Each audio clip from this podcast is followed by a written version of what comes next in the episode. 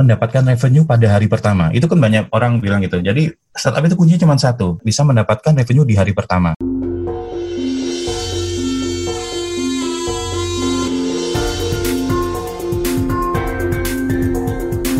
Suara-suara NOKM Jatim. Suara-suara NOKM Jatim.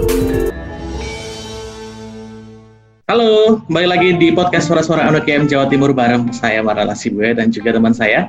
Dengan Bang Kemal di sini udah balik lagi. Yeay, halo Kemal. Halo, Ke mana aja nih? semuanya. Kemarin sempat istirahat, istirahat ya, istirahat di Hmm, rumah sakit juga, di rumah di rumah juga. Tapi bersyukur lah hari ini udah bisa kembali bisa siaran lagi dengan yes. Arnala di tim suara-suara. Kita bawakan Yes. kembali eh, semangat gitu ya, semangat kebangkitan lagi gitu. Jangan Bangkit lagi, semangat lagi. jangan melulu Keren. jangan melulu tidur gitu karena apa nggak nggak nggak nggak kreatif banget lah kalau kita tidur gitu kan. Harus kreatif juga ya, tetap, Tetap harus kreatif juga. kreatif juga benar. Kalau enggak ya kita bakalan Oh, bosen ya Mal ya? kayak zombie aja. Jadi badan kerja Benar. semua kerja cuma nggak ada nggak ada apa ya penyegaran pikiran gitu. Nah, ngomong-ngomong tentang kreatif nih Mal, aduh bridgingnya udah masuk nih berarti ya. Udah makin keren ya. Malam ini, ya hari ini podcast kita sudah dapat eh, narasumber yang keren. Dia juga orangnya inovatif, pasti kreatif.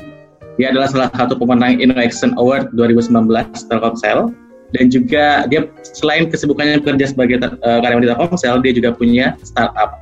Nah, buat apa namanya, buat gak lama-lama lagi, eh, kita langsung aja ya, kita Langsung sapa kenalan dengan narasumber kita. Halo Mas Rizal. Halo Bang Kemal, Bang Nala. Gimana kabarnya? Halo. Bang? Baik. Baik. Ini di posisi di rumah Ya, ini lagi di ya? rumah. Surabaya ya. Di Surabaya, betul. Di rumah aja. Nah, rumah. Mas Rizal nih, sebelum kita lanjut ke topik-topik kita, kita mau kenalan dulu. Mungkin dari beberapa pendengar masih ada yang belum kenal dengan Mas Rizal nih. Mas Rizal ini kesibukannya apa sekarang gitu di Telkomsel? Sebelumnya di mana aja nih? Udah melanglang buana pastinya ya. Mau nggak Mas Rizal?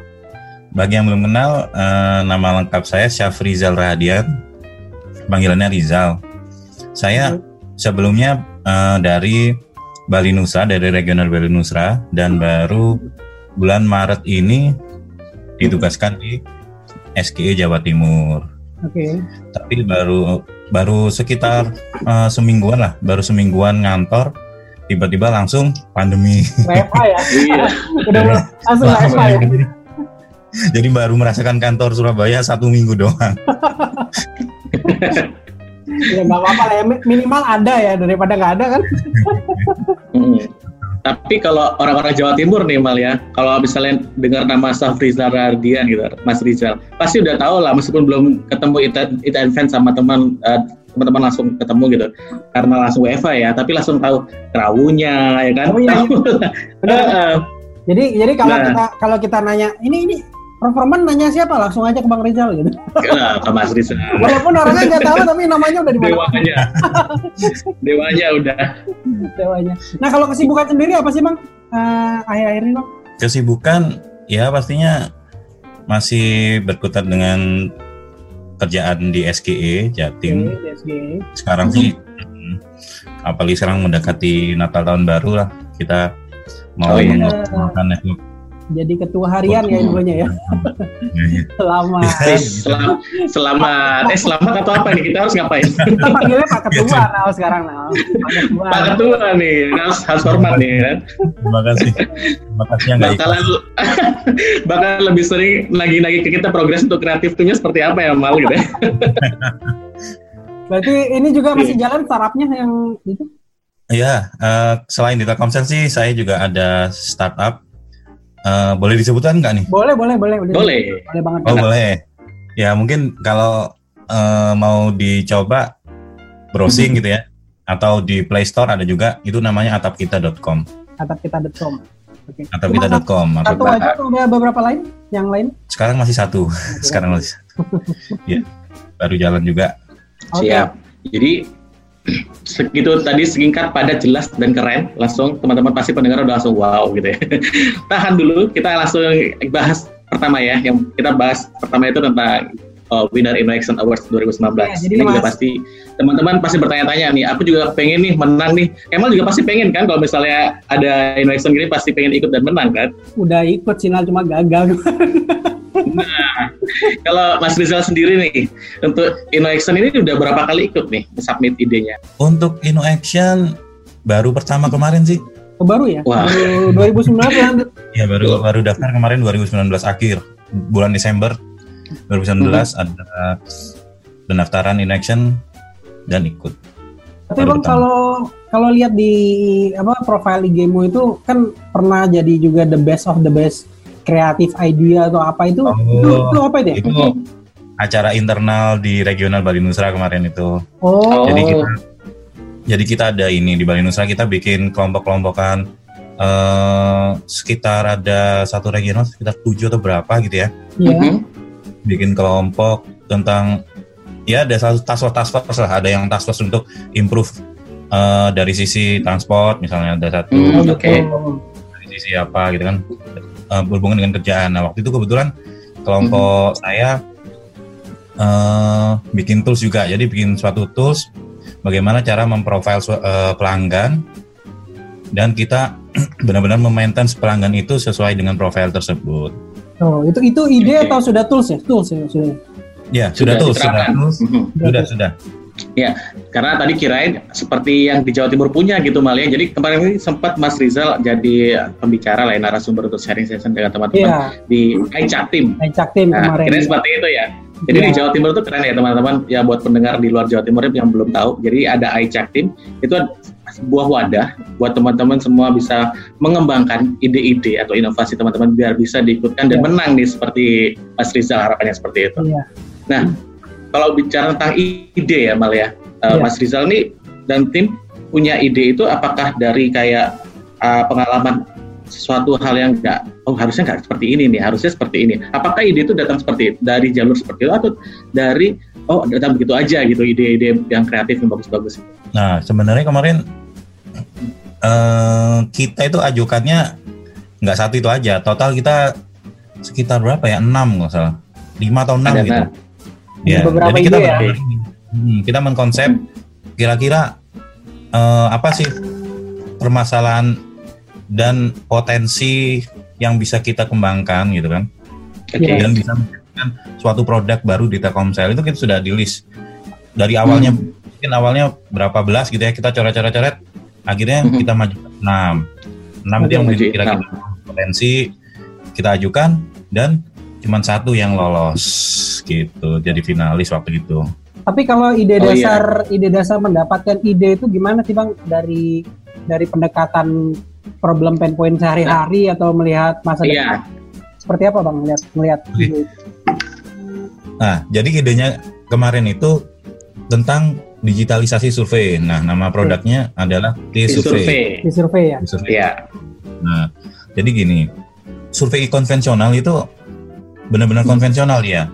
Kita bikin suatu pertanyaan gitu kan, dia Mhm. bikin suatu Ya. pertanyaan dan selesai link linknya itu akan dibagi-bagi ke para responden gitu kan, cara cara seperti itu. Nah, kita punya ide bagaimana sih caranya biar kita bikin survei itu lebih ringkas, lebih cepat jadi, lebih gampang.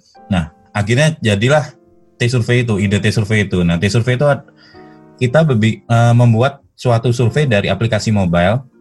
Ya. Nah, dari aplikasi mobile itu kita bisa menentukan juga salah satu keunggulan dari aplikasi kita itu kita bisa menentukan responden kita siapa. Nah, kalau kita sebar link, biasanya kan orang-orang sebar link, tolong bantu isi respon apa survei Iya. ini dong gitu ya. Iya. Nah, kalau ini Iya, bisa, iya. bisa bisa segmented. Jadi kita pingin misalnya nih kita pingin membuka cabang mobil pe- penjualan mobil di daerah Jogja gitu ya. Nah kita bisa benar-benar memanfaatkan data profiling pelanggan Telkomsel itu untuk menentukan target responden. Kita bisa menentukan dari aplikasi itu Mhm. eh, yu- si respondennya itu berada di mana, usia Hmm. berapa, jenis Iya. kelaminnya apa, kegemarannya apa, juga ya. Mhm. interestnya apa ya betul. Iya. Jadi benar-benar ter- tersegmentasi dan itu bisa dilakukan dengan sangat cepat. Jadi begitu kita isi survei kita running, kita bisa melihat secara real time saat Oh. itu berapa Oh. orang yang sudah mengisi, sedang mengisi seperti itu. Dan hasilnya bisa kita lihat secara real time. Jadi kita nggak perlu tunggu eh, survei itu selesai. Jadi kalau kita lewat Mhm. ya ketika kan ada yang itu ditargetkan satu minggu lagi selesai. Jadi, jadi kita baru bisa melihat satu minggu kemudian. Nah kalau di survei ini benar-benar real time ya. Hmm. Jadi benar-benar Iya. bisa melihat saat itu juga bagaimana sih jawaban dari pertanyaan-pertanyaan kita Iya, iya. seperti itu.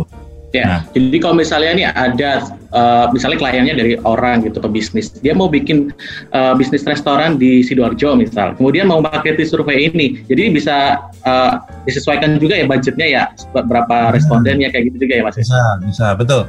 Jadi kita tinggal eh, men- me- memasukkan berapa sih eh, budget yang kita punya di aplikasi itu, nanti otomatis eh, berapa responden yang akan kita dapat dari budget kita itu. Dan ini Iya. kita target kita customer kita ada empat nih. Yang pertama itu adalah pemerintahan, yang Oke. kedua Mhm. eh, perusahaan, terus Oke. juga ada individu dan juga ada Mhm. anak sekolah. Jadi anak sekolah atau kuliahan itu Oh. kalau memang biasanya kan kadang-kadang orang bikin skripsi kita perlu survei Hmm. juga. Oh, Nah, iya, iya, bisa- paham, paham, paham. Ya, ini biar lebih mudah dan juga untuk anak sekolah nanti kita harganya juga beda dengan harga perusahaan pastinya. Oke. Biar Iya. lebih terjangkau gitu.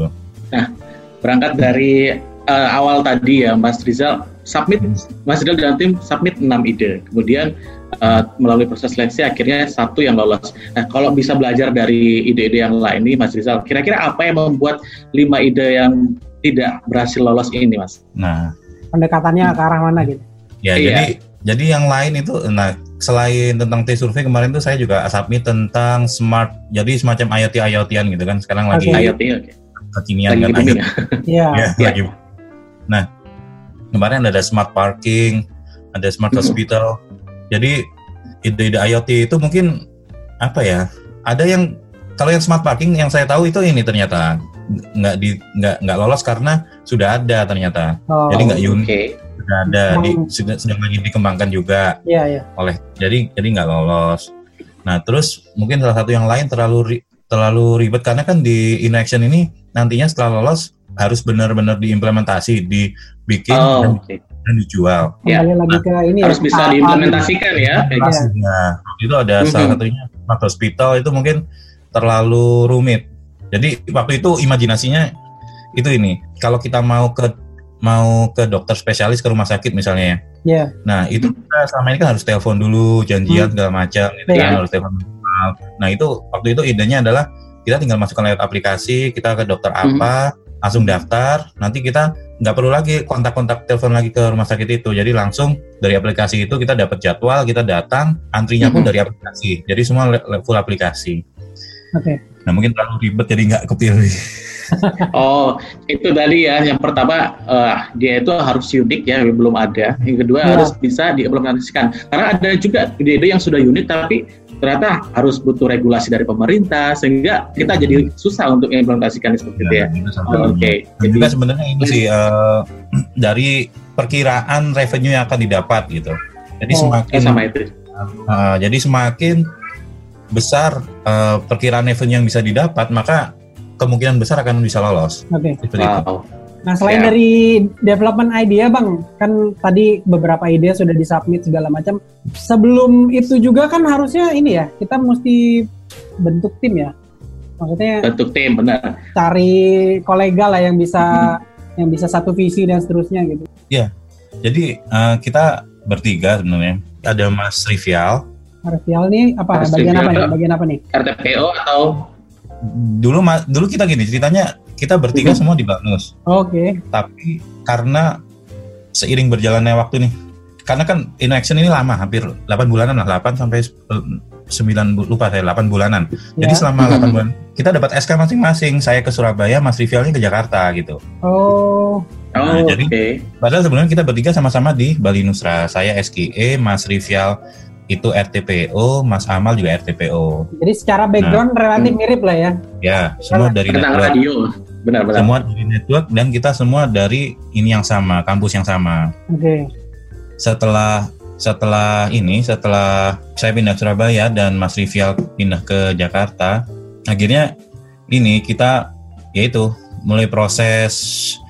final pitching segala macam akhirnya kita mendapatkan gelar juara itu ya udah akhirnya kita kepisah-pisah satu di Bali satu di Surabaya satunya Satu di Jakarta. nah, nah dan keahliannya juga masing-masing sih kita udah bagi Hmm. dari awal Oke, karena Mas Mas ke Jakarta juga dia sebagai data science oke. Oh, Jadi, oke. jadi nan- nah jadi nanti plannya ini untuk tes survei ini karena kita mengolah big data Telkomsel Hmm. karena kita profil pelanggan untuk target responden tadi. Nah, nanti yang mengolah juga Mas Rivial.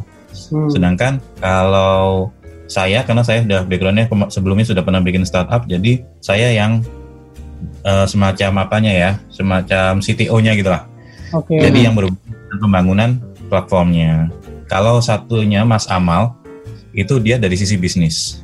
Oke, lebih ke Oh. bisnis ya. Jadi jadi Ya. masing-masing punya peranan masing-masing ya, Bang ya. Ya betul. Ya, Betul. itu tadi ya, yang hacker, hipster sama hustler tadi ya. kalau Jadi Betul. bisa scale up lagi. begitu, Gitu ya. istilahnya begitu. Kalau ini kita ngobrolin secara general Bang Rizal.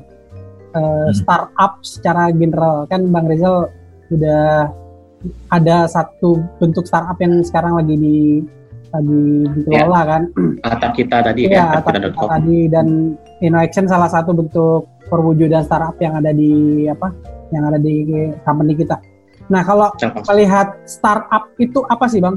Kalau menurut Bang Rizal startup itu bentuknya apa? Maksudnya kenapa kita hidup di era startup kayak gini gitu? Kan zaman dulu kita nggak pernah dengar yang namanya startup ya, Nal ya?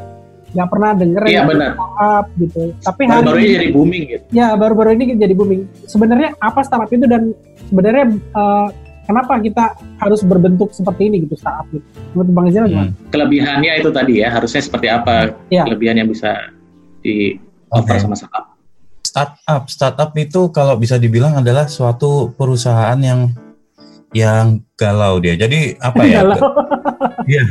jadi dia itu belum belum jelas sebenarnya startup itu kan perusahaan baru perusahaan kecil ya berawal dari perusahaan kecil Mhm. rintisan, Iya. dan dia tuh lagi galau sebenarnya beda dengan established company yang udah besar gitu ya dia kan sudah Iya. jelas nih Iya, Iya. customernya siapa produknya siapa Iya. revenue revenue-nya ya pasti stabil lah dia karena udah established company kan. Nah kalau startup ini dia itu masih masih galau dia, jadi bisa cepat naik, bisa cepat jatuh. Oke. Salah satunya adalah ini growth dari sisi growth revenue ya, growth revenue untuk established company dia itu paling growth-nya per tahun dia 10 20 gitu lah, 10 sampai 20 persen lah, 20 persen max. Nah, sedangkan kalau startup dia itu bisa sampai ribuan persen naiknya. Karena dia itu sedang meraba-raba. Dia tuh bisa cepat sekali berubah. Misalnya nih, ini kita, kita langsung ke ini ya, ke sehari-hari ya. Boleh, boleh, boleh. Contohnya boleh. adalah contohnya adalah ini, eh, Instagram. Oke. Iya, Tahu nggak Instagram? Pertama kali dibuat, dia itu aplikasi apa? Sebenarnya dia itu aplikasi untuk check in ke eh, tempat makan dia. Jadi Kalau dulu Iya. Foursquare bukan sih Foursquare itu iya betul. Foursquare mau bilang itu. Ya ya ya ya namanya. zaman Nah, BB. nah, iya.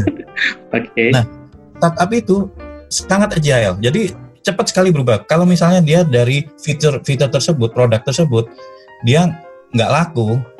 Waktu itu awalnya Instagram bikin gitu. Ternyata dia nggak se- seberapa orang ini suka gitu. Oke. Mhm. Dia- Sekarang cuma check in place aja ya. Check-in. Nah, selama dan ada lesson learn dari situ. Ternyata orang setiap check in dan makan itu dia selalu memfoto. Oh, Foto dan Oh, Jadi bukan fitur utama waktu itu. oke. Jadi dia check in, kirim foto di semacam komen segala macam lah. iya, Tapi bukan iya. fitur utama. Kemudian Instagram dengan cepat mempelajari itu dan pada akhirnya seperti sekarang dia justru fitur utamanya adalah upload foto. Nah, Foto seperti itulah. video. Jadi startup itu masih masih meraba-raba, dia bisa cepat berubah. Kalau di startup istilahnya dia tuh pivoting. Jadi pivot itu itu sesuatu adalah- yang sesuatu yang wajar ya, dia sesuatu yang lumrah di startup ya. sangat wajar. Ya sangat wajar. Apalagi startup kecil, startup besarnya seperti Gojek itu kan bisa kita lihat ya. Gojek itu kan fiturnya macam-macam. Iya. Iya. Terus dia cepat juga untuk Bongkar fitur yang sih dia. Nah, yang dia nggak laku, misalnya Go, Hmm. Ya masak? Live. gue blend. Ya, Go masak, Go live ya, gitu. Go live dan dan dia akan muncul fitur-fitur baru. Nah, seperti itulah startup sebenarnya. Dia itu Hmm. memang masih Masih galau juga ya. Masih ababil. tapi tapi memang itu ya maksudnya hari gini memang kita hidup di zaman itu ya karena mungkin Iya. companies established company seperti yang kita tahu tidak bisa menawarkan itu kan karena mungkin pergerakannya Benar. pergerakannya sangat sulit di established company jika di startup itu jadi lebih mudah gitu kali ya bang lebih mudah mm-hmm. karena startup itu sebenarnya coba perhatikan semua startup itu berangkat dari masalah sebenarnya okay. berangkat ya, dari masalah ya dan dari masalah itu dilakukan digitalisasi. Makanya kalian zaman sekarang masalah apa? Didigitalkan. Kalau sekarang pandemi ini orang-orang susah keluar itu belanjanya nah. harus belanja keluar akhirnya kan banyak banyak sekali kan jual sayur jual apa itu kan ya, banyak aplikasi sekarang ya benar, benar. jadi seperti itu.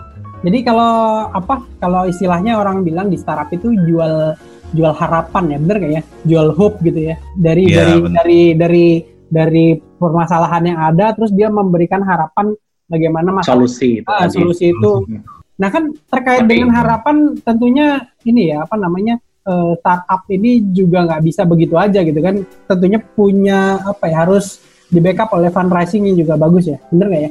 Iya, jadi Mas Rizal kan punya startup juga nih, startup atapkita.com. Bisa cerita juga gimana sih bisa uh, startupnya akhirnya bisa menggait investor kayak gitu atau gimana Mas? Uh, jadi sebelum ke investor, rata-rata hmm. startup hmm. itu selalu pakai dana pribadi sebenarnya lalu dengan dana ya, pribadi ya. Gojek. Ini, ya, catatan Gojek ya, catatan ya, catatan ya. ya. Kalau gitu. berapa sih? Jangan lah, ya. jangan lah. Ya pokoknya Pak Gojek tadi. Oke, oke. Gimana bang? Kalau Gojek gimana? Gojek itu dulu Nah di Makarim cerita, pernah saya pernah lihat di satu YouTube ya. Jadi Nadiem Makarim itu tiga tahun pertama itu nggak ada yang mau mendanai. Bayangkan Gojek hmm. nggak hmm. mendanai jadi nggak ada yang ngelirik jadi selama tiga tahun itu Nadiem Makarim itu ini uh, sebelumnya dia bekerja bekerja meng mengumpulkan uang untuk mendanai startupnya itu selama tiga nah, tahun itu hmm. selama tiga tahun itu jadi memang benar-benar nggak ada yang instan jadi startup jadi dapat investor itu susah sekarang oke okay. jadi mm -hmm. harus awalnya pasti dari dana pribadi jadi seperti mm -hmm. itu sama sama juga sih sebenarnya dari atapkita.com sebelum sebelum ada yang invest kemarin itu memang pakai dana pribadi saya sama satu teman saya. Jadi ya. benar ya maksudnya uh, secara secara habit bisnis startup itu memang tujuannya nyari fundraising ya gitu ya. Dan dan ada juga pasti, pasti ya betul ya. Dan pasti. bagaimana tanpa fundraising karena boleh ngomongin nominal nggak ya di sini? Boleh. Uh, ini aja kisaran kisaran boleh gitu. Kisaran ya. Kalau aku kepo sih mal, aku mau. Nala ini niat banget loh bang bikin tahu. Jadi ya, ya, kalau, kalau bisa lihat ya, satu harga aplikasi Android ya ya. di suatu perusahaan pembuat, jadi developer lah pembuatan aplikasi itu rata-rata harganya 100 sampai 150. Jadi kalau aplikasi ya, aplikasi jadi ya total ya. Iya. Sudah siap pakai. Ya? Uh, iOS juga sama. Jadi kalau kita pingin buat satu startup ini hanya untuk pembuatan ini ya untuk develop platformnya saja yeah. itu satu Android 100 misalnya 100 paling rendah 100 ya ditambah yeah. dengan iOS 100 jadi total 200 mm-hmm. itu hanya front aplikasi. end ya. aplikasi aja. jadi itu hanya itu front endnya saja gitu front end itu ha, semacam UI UX-nya ya? ke pelanggan yeah. interface ke gitu lah. Back end-nya beda nah, lagi. back end-nya itu bisnisnya, bisnisnya lain lagi ya kan. Beda lagi ada harganya backend itu sendiri API sendiri jadi backend sekitar lebih mahal dari aplikasi backend jadi sekitar 150-an 150 sampai 200 backendnya semakin susah semakin rumit uh, startup itu dia bagaimana mengolah apa gitu semakin mm-hmm. mahal ya belum lagi API gitu jadi iya. rata-rata kalau mau bikin ini dulu startup itu pakai web dulu biar oh. murah rata-rata kalau web kan kalau web kan ini uh, anak-anak fresh graduate mahasiswa-mahasiswa itu kan sudah bisa ya, jadi ya. sekitar 10 jutaan sudah bisa siap ya. nah tadi gitu. kalau kan ha, apa uh, goalnya dari startup memang growth yang sangat cepat ya bang ya yang sangat ya. ber uh, jauh berbeda dengan established company ketika mereka launching produk. Mm -hmm. Nah, memang di di startup itu memang ada ini nggak sih bang? Kalau orang banyak orang bilang itu kayak uh, rumus 10x itu loh bang. Jadi ketika lu punya ya. ya 10 kali, ketika lu punya produk dan lu diinvest oleh investor, investor itu mengharapkan 10 kali yang minimal, minimal gitu ya? yang yang yang harus dicapai gitu. Entah ini growth Terus growth macam-macam ya gitu ya. Benar Iya, sukses tidaknya startup itu ya. Iya, benar nggak sih itu? Benar nggak kalau investor itu melihat seperti itu nggak? Iya, pasti. Jadi jangan hmm. jangan ini ya, kalau melihat siapa yang sukses sekarang Nadiem Makarim, terus Ahmad Zaki dari Bukalapak ya, itu. Bukalapak. Lihatnya kan, wih keren ya gitu kan. Jadi yeah. pasti duitnya banyak banget gitu kan. kalau yeah. pembicara itu keren gitu kan. Sedang sebenarnya di luar itu mereka pusing banget jadi harusnya dia iya. pusing banget karena tiap investor itu pasti dia punya target gitu. Yeah. Jadi mm-hmm. kita ngasih duit nggak mungkin kan nggak mau untung si investor itu nggak mungkin. Jadi kita benar ngasih target misalnya ya kita suatu investor akan menginvest di Tokopedia, dia pengen tahun depan akan naik sekian persen. Iya. Mm-hmm. Jadi si CEO itu harus muter otak gimana caranya biar target itu terpenuhi. Pasti pusing gitu. Dan pasti. ini nggak nggak selazim establish company yang growthnya cuma berapa persen gitu. Ini bisa hmm. bisa berkali-kali lipat ya harapannya ya, ya ini benar. Itulah makanya sekarang banyak pendana pendanaan untuk startup itu karena berharapnya naiknya cepat gitu. Nah dari dari harapan investor yang sebegitu tinggi kan banyak juga bang yang gagal bang. Nah, hmm. kalau bang Rizal melihat kegagalan itu dari apa dari apakah wajar startup ini begitu gagal atau seharusnya enggak hmm. sih bisa sih dicuri yeah. begini atau memang cara startup dia belum mature gitu melihat itu atau mungkin bisnisnya yang kurang tepat di atau saat ini kurang tepat ah, mungkin beberapa waktu saat lagi timingnya gitu bisa menjadi bumi mm -hmm. kalau pertanyaannya wajar atau enggak startup itu jatuh ya sangat wajar jadi mm -hmm. secara angka startup di Indonesia itu sekarang per ya mungkin dua bulan lalu lah saya pernah baca itu startup di Indonesia itu total sekarang ada 2000-an startup. 2000 ya? Indonesia. Ya? 2000 itu yang terregister.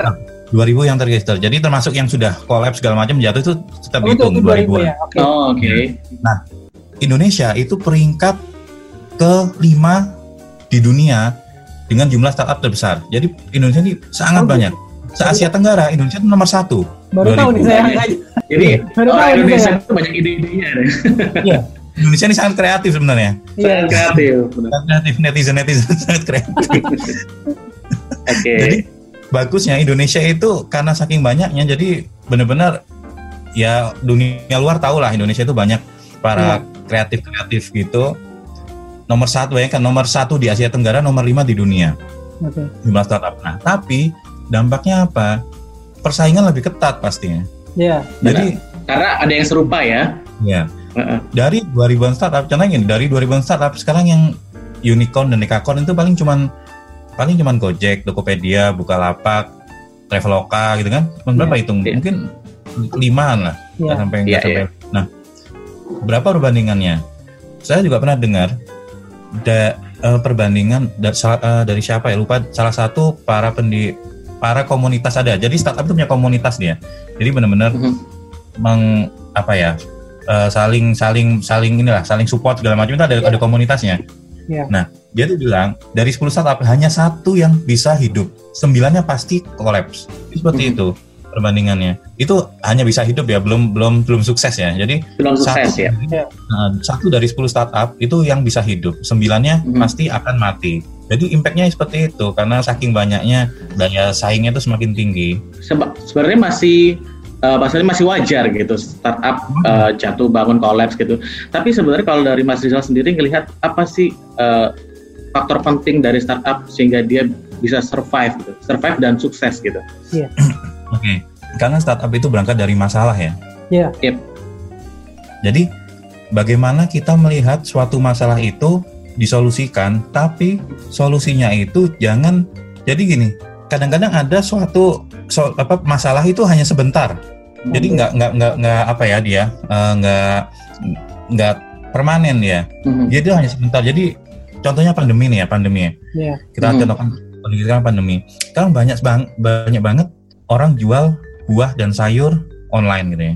Oke. Okay. Yeah. Nah ini ini sorry itu saya untuk para pebisnis itu ya. Jadi Misalnya nih, misalnya Pak pandemi ini selesai gitu ya, vaksin ditemukan dan pandemi ini selesai gitu kan, mm-hmm.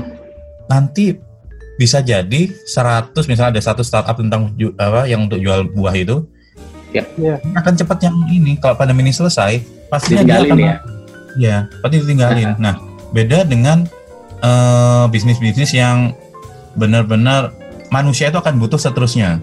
Oke.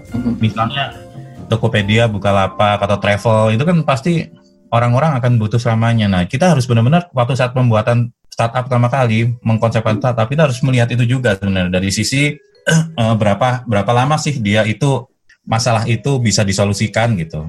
Iya. Berarti gini ya Bang ya, kalau bisa ditarik uh, garis tegasnya adalah uh, mm-hmm. innovation itu memang ma, ma, apa, mengatasi sebuah masalah ya. Cuma nggak semua yeah. innovation itu bisa lari ke startup yang begitu pak begitu lama bisa bertahan gitu kan. Yeah. Makanya yeah, kita benar. mesti mesti kayaknya mesti pisahkan innovation as innovation dan innovation as a startup as a business gitu kan. Ya karena orang melihatnya melihat jangka panjang yang yang tadi kita bilang yang jual harapan yeah. itu ya. Nah, boleh diceritain sedikit Mas yang atap kita ini apa? Iya. Uh, aku tadi langsung browsing loh. Pas Mas Rizal bilang atapkita.com, oh, langsung browsing. Jadi kalau kita lihat ini kayak crowdsource apa crowd crowdsourcing ya, crowdfunding. Crowdfunding. Ya, atap kita itu sosial crowdfunding platform lebih tepatnya. Mm -hmm. Jadi sebenarnya mirip-mirip kita bisa sih. Yeah. Kalau tahu kita bisa kan ya? Tahu, tahu, tahu. Iya, iya. Nah, jadi semacam itu. Jadi berangkat dari mana? Jadi sebenarnya uh, awalnya itu kenapa ada atap kita itu karena dari saya sendiri, dari saya pribadi, yeah. ingin me membantu membantu banyak orang yang membutuhkan. Okay. Kalau pernah dengar sukses sukses mulia gitu ya. Iya, Jadi ya, ya. Purpose itu tadi ya yang harus di Ya. Yeah. Jadi kalau saya pribadi, saya di Telkomsel sudah bisa dapat semuanya secara materi ya saya iya. anggap saya sudah sudah bisa sukses gitu kan. Nah, terus mulianya apa? Nah, mulianya ini atap kita kalau kalau saya pribadi. Saya ingin membantu orang yang benar-benar membutuhkan gitu. Oke. Okay. Saya paling nggak karena saya paling nggak tega kalau waktu dulu itu melihat anak kecil sakit kanker gitu ya. Mm-hmm. Yeah. dia itu dari keluarga nggak punya. Jadi dia tuh semacam untuk ke rumah sakit aja nggak punya gitu. Semacam menunggu ajal gitulah. Yeah. Kasarannya seperti dan, itu. Nah. Dan menunggu, maksudnya mau menghubungi siapa gitu untuk cari bantuan yeah. juga kendalanya juga terbatas yeah. gitu ya. Ya betul itu itu banyak. Jadi meskipun ada platform sebesar kita, kita bisa pun hmm. masih banyak pasien, masih banyak orang yang nggak terjangkau gitu loh. Ya. Jadi makanya saya uh, berangkat dari masalah itu kan gitu kan startup itu kan berangkat dari masalah. Iya betul. Nah dari masalah itu saya ingin membuat suatu solusinya. Jadilah atapkita.com itu. Ini kalau berapa sudah sudah berapa sih berapa lama Mas Rizal startup atap kita? Jadi atap kita itu dibangun tahun 2000 eh sebentar 2018 November kalau nggak salah 2018 November. November. Sudah tapi mulai hampir dua tahun ya? Ya. Tapi mulai benar-benar mulai beroperasi itu pembuatannya pembuatannya sekitar hampir hampir enam bulanan lah. Jadi bulan. 2019 2019 pertengahan baru mulai mulai membantu orang-orang. Berarti 2019 hmm. ya baru, baru berarti ya, satu tahun lah hampir satu tahun ya. Kalau kalau dibilang sih udah termasuk cepat ya, malah daripada startup-startup yang lain akhirnya bisa dapat investor kayak gitu ya Mas Rizal ya. Nah, memang jadi gini, ada orang yang membuat suatu startup itu memang ngejar duit gitu kan. Oh iya. Yep. Itu kalau bagi saya salah. Mm-hmm. Jadi yang pertama tuh jangan ngejar duit, tapi ngejar manfaat, mensolusikan problem seseorang gitu. Iya yeah, iya. Yeah. Fokusnya dari situ. Fokusnya adalah mensolusikan. Karena banyak juga orang startup startup yang kolaps juga karena dia semacam cuman berburu uang aja. Orientasi, itu benar salah. Orientasinya monetize ya. Money orientasi, iya. Ya. Monetize, monetize, monetize. Pengen cepat-cepat kaya gitu ya, Mal ya. Iya. boleh, gak boleh. Gak boleh. Jadi kalau kita lebih fokus ke masalah, itu ya. pasti jalannya lancar dia. Oke. Okay. Karena ya itu memang mungkin niatnya memang ke, dari awal salah ya udah dia cepat. Oh. Benar. Ya, kalau kita pernah tahu itu ala Alamanda ya namanya nih. Eh, VP VP-nya Gojek yang sekarang sudah di Oh iya, ya, kemarin di apa? Event TID ya? Ya, Alamanda itu dia bilang alasan dia bergabung di Gojek tuh bukan karena duit, bukan gara apa, Benar. karena vi, karena visi visinya adalah menolong society dia yeah. bilang begitu. Mungkin itu yang bisa mengantarkan Gojek sampai hari ini ya. Iya, sampai hari ini. Ya, Niatnya, niatnya harus dilurusin dulu dari awal. Nah, Karena bang, nanti kalau niatnya lurus, otomatis nanti uang itu akan ngikut sih. Oh gitu ya. Amin amin. Apa aku tadi lupa sih diskusi ini apa? Memang trennya ke depan itu eh, big company apa established company ini bakalan ini bakalan makan bareng startup gitu istilahnya. Bener nggak? Karena established company itu growth-nya nggak Gitu bisa aja besar ya? lagi. sudah. Iya, udah dia gitu sudah aja ya. Iya, karena duit itu ada di startup sekarang itu. Mhm. Ya artinya artinya masa depannya kita kan begitu akan begitu kan gitu ya nyari-nyari startup Ya. segala macam baik develop Google. dari dalam atau akuisisi istilahnya kan gitu. ya. Mm-mm. Google kan gitu cara kerjanya dia. Jadi dia Mhm. perusahaan kecil bagus dikit dibeli, dibeli, dibeli. Akhirnya dia jadi feature, jadi feature gitu kan. Iya benar. Fiturnya di Google, jadi feature di Google. Jadi memang seperti itu. Perusahaan Akhirnya besar. jadi perusahaan sarsa. ya. Gak hanya besar lagi udah raksasa dia bukan unbeatable ya. Ya secara berarti startup. secara secara apa namanya secara garis kekariran juga mungkin mahasiswa-mahasiswa yang baru lulus sudah nggak bisa ngarepin established company ya. Oh iya. Secara Karena- secara nature-nya begitu jadinya ya. Iya. Karena growth ribuan kalinya si startup itu Nah itu yang, bikin orang karir, karirnya Iya. bisa cepat. Bayangkan aja si Ahmad Zaki itu, Ahmad Bukalapak itu umurnya sekarang dia kelahiran 86, 34. Dia sudah jadi seorang sekaya itu kan. Iya. Kalau dia lulus kuliah apply gitu, apply kerja. Sekarang mentang-mentang ini apa dia jadi Ya manajer. paling manajer ya. Iya. Ya. Jadi ingat itu teman saya ada teman sepedaan dulu di Bandung. Dia jadi manajer marketingnya Bukalapak eh, generasi kedua kalau nggak salah. Jadi waktu tak tanya, lu jadi apaan? Gue di manajer marketing Bukalapak. Oh, lu, lu keren amat manajer. Iya kalau di startup itu manajer ya nggak punya staff, manajer aja.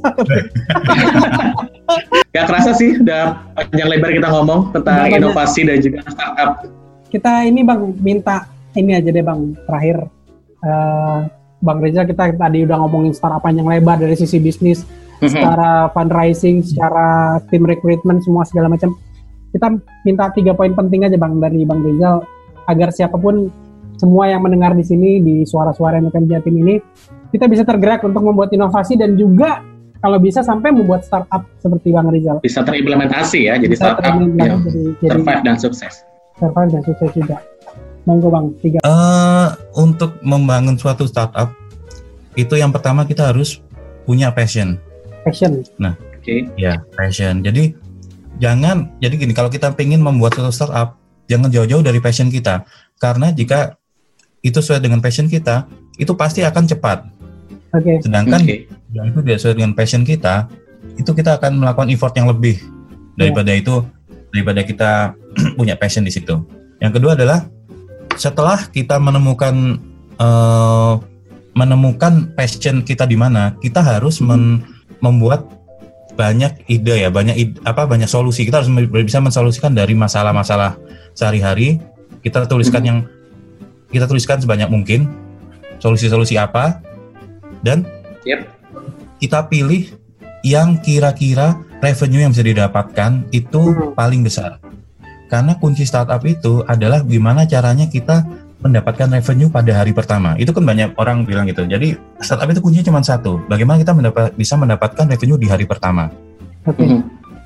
Jadi setelah itu adalah um, meet your customer. Jadi dari ide kita itu kita harus mendapatkan feedback dari calon Dari customer, kita. customer. Oke. Apakah ide kita, solusi kita itu bisa mensolusikan permasalahan dari customer itu? Karena banyak Oke. sekali kesalahan suatu founder itu adalah dia nggak memahami customer itu. Iya. Jangan jangan Maunya apa? ya, jangan sok- Eh. jangan sok-sokan oh aku pasti tahu keinginan customer itu seperti apa. Nah, iya. itu kan banyak yang somong-somongan jadi banyak. Jadi jangan istilahnya kita harus istilahnya project ego ya egonya sendiri ya. Ya benar. Itu akan banyak salahnya. Jadi benar-benar big wrong. Jadi kita harus banyak komunikasi dengan customer. Contohnya, ini boleh lagi ya contoh ke Gojek. Saya benar tahu Gojek itu pertama kali berdiri dia itu si Nadim itu mengajak ngopi, ngajak ngopi empat orang driver ojek waktu itu. oke Dia benar- benar-benar ngajak ngobrol gimana sih sehari-hari ojek itu, apa sih kendalanya, apa. Jadi benar-benar ngelihat si kehidupan sehari-hari si tukang ojek itu. Jadi dia tahu Mhm. benar-benar tahu apakah aplikasinya nanti itu akan cocok atau tidak. Itu kuncinya. Iya. Ya dari Terus feedback itu akhirnya bisa ini ya ada Hmm. perbaikan dari. Betul. Nah, yang yang keempat ini yang terakhirnya. Mm-hmm. Kalau kita sudah yakin, customer sudah oke okay dengan solusi kita, jangan takut untuk mulai. Intinya okay. mulai aja dulu. Kayak iklannya Tokopedia nah, jadi, jadi benar sih, benar. Karena banyak yang banyak orang yang mikir itu nanti sukses kira -kira, ya gitu. Sukses nggak ya, ini nggak ya. Mm -hmm.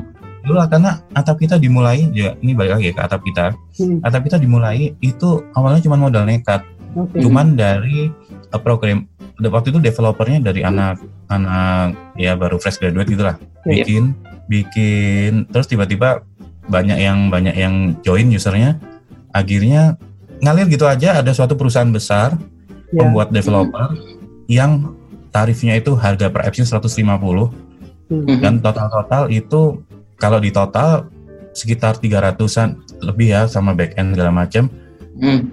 itu kita dapatkan gratis oh Wow. Jadi keren. Ya, jadi kita uh, waktu itu memang si perusahaan developer itu mengajukan diri ngelihat platform kita waktu itu Pak ini sayang Pak kalau ini kalau sudah sebesar oh. ini tapi platformnya masih banyak kekurangan gitu kan dia kurang oh. ahli kurang ahli dari platform yeah.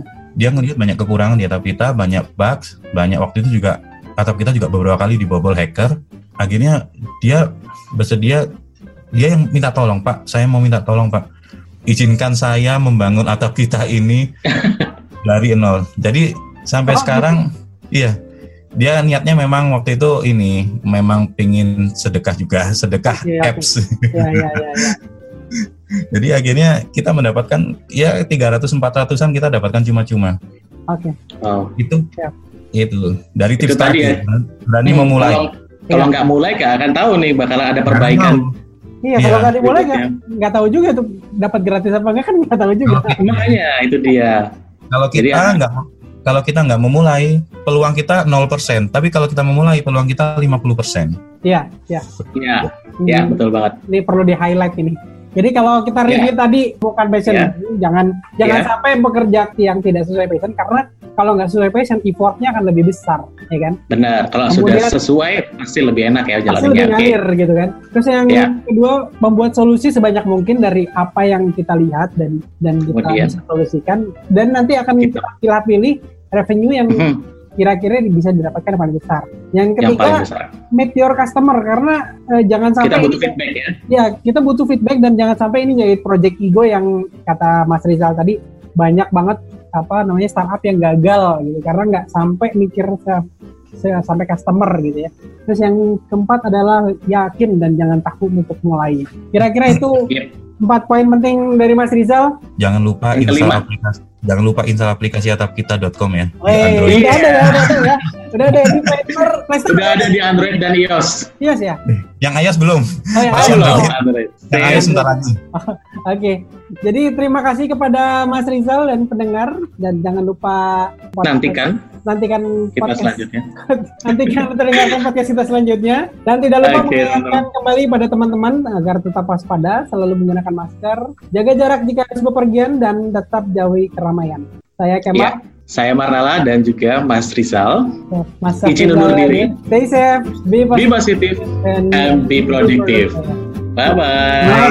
Bye bye. Thank you Mas Rizal. Waktunya. Thank you, thank you. Bang Nala, Bang Kemal.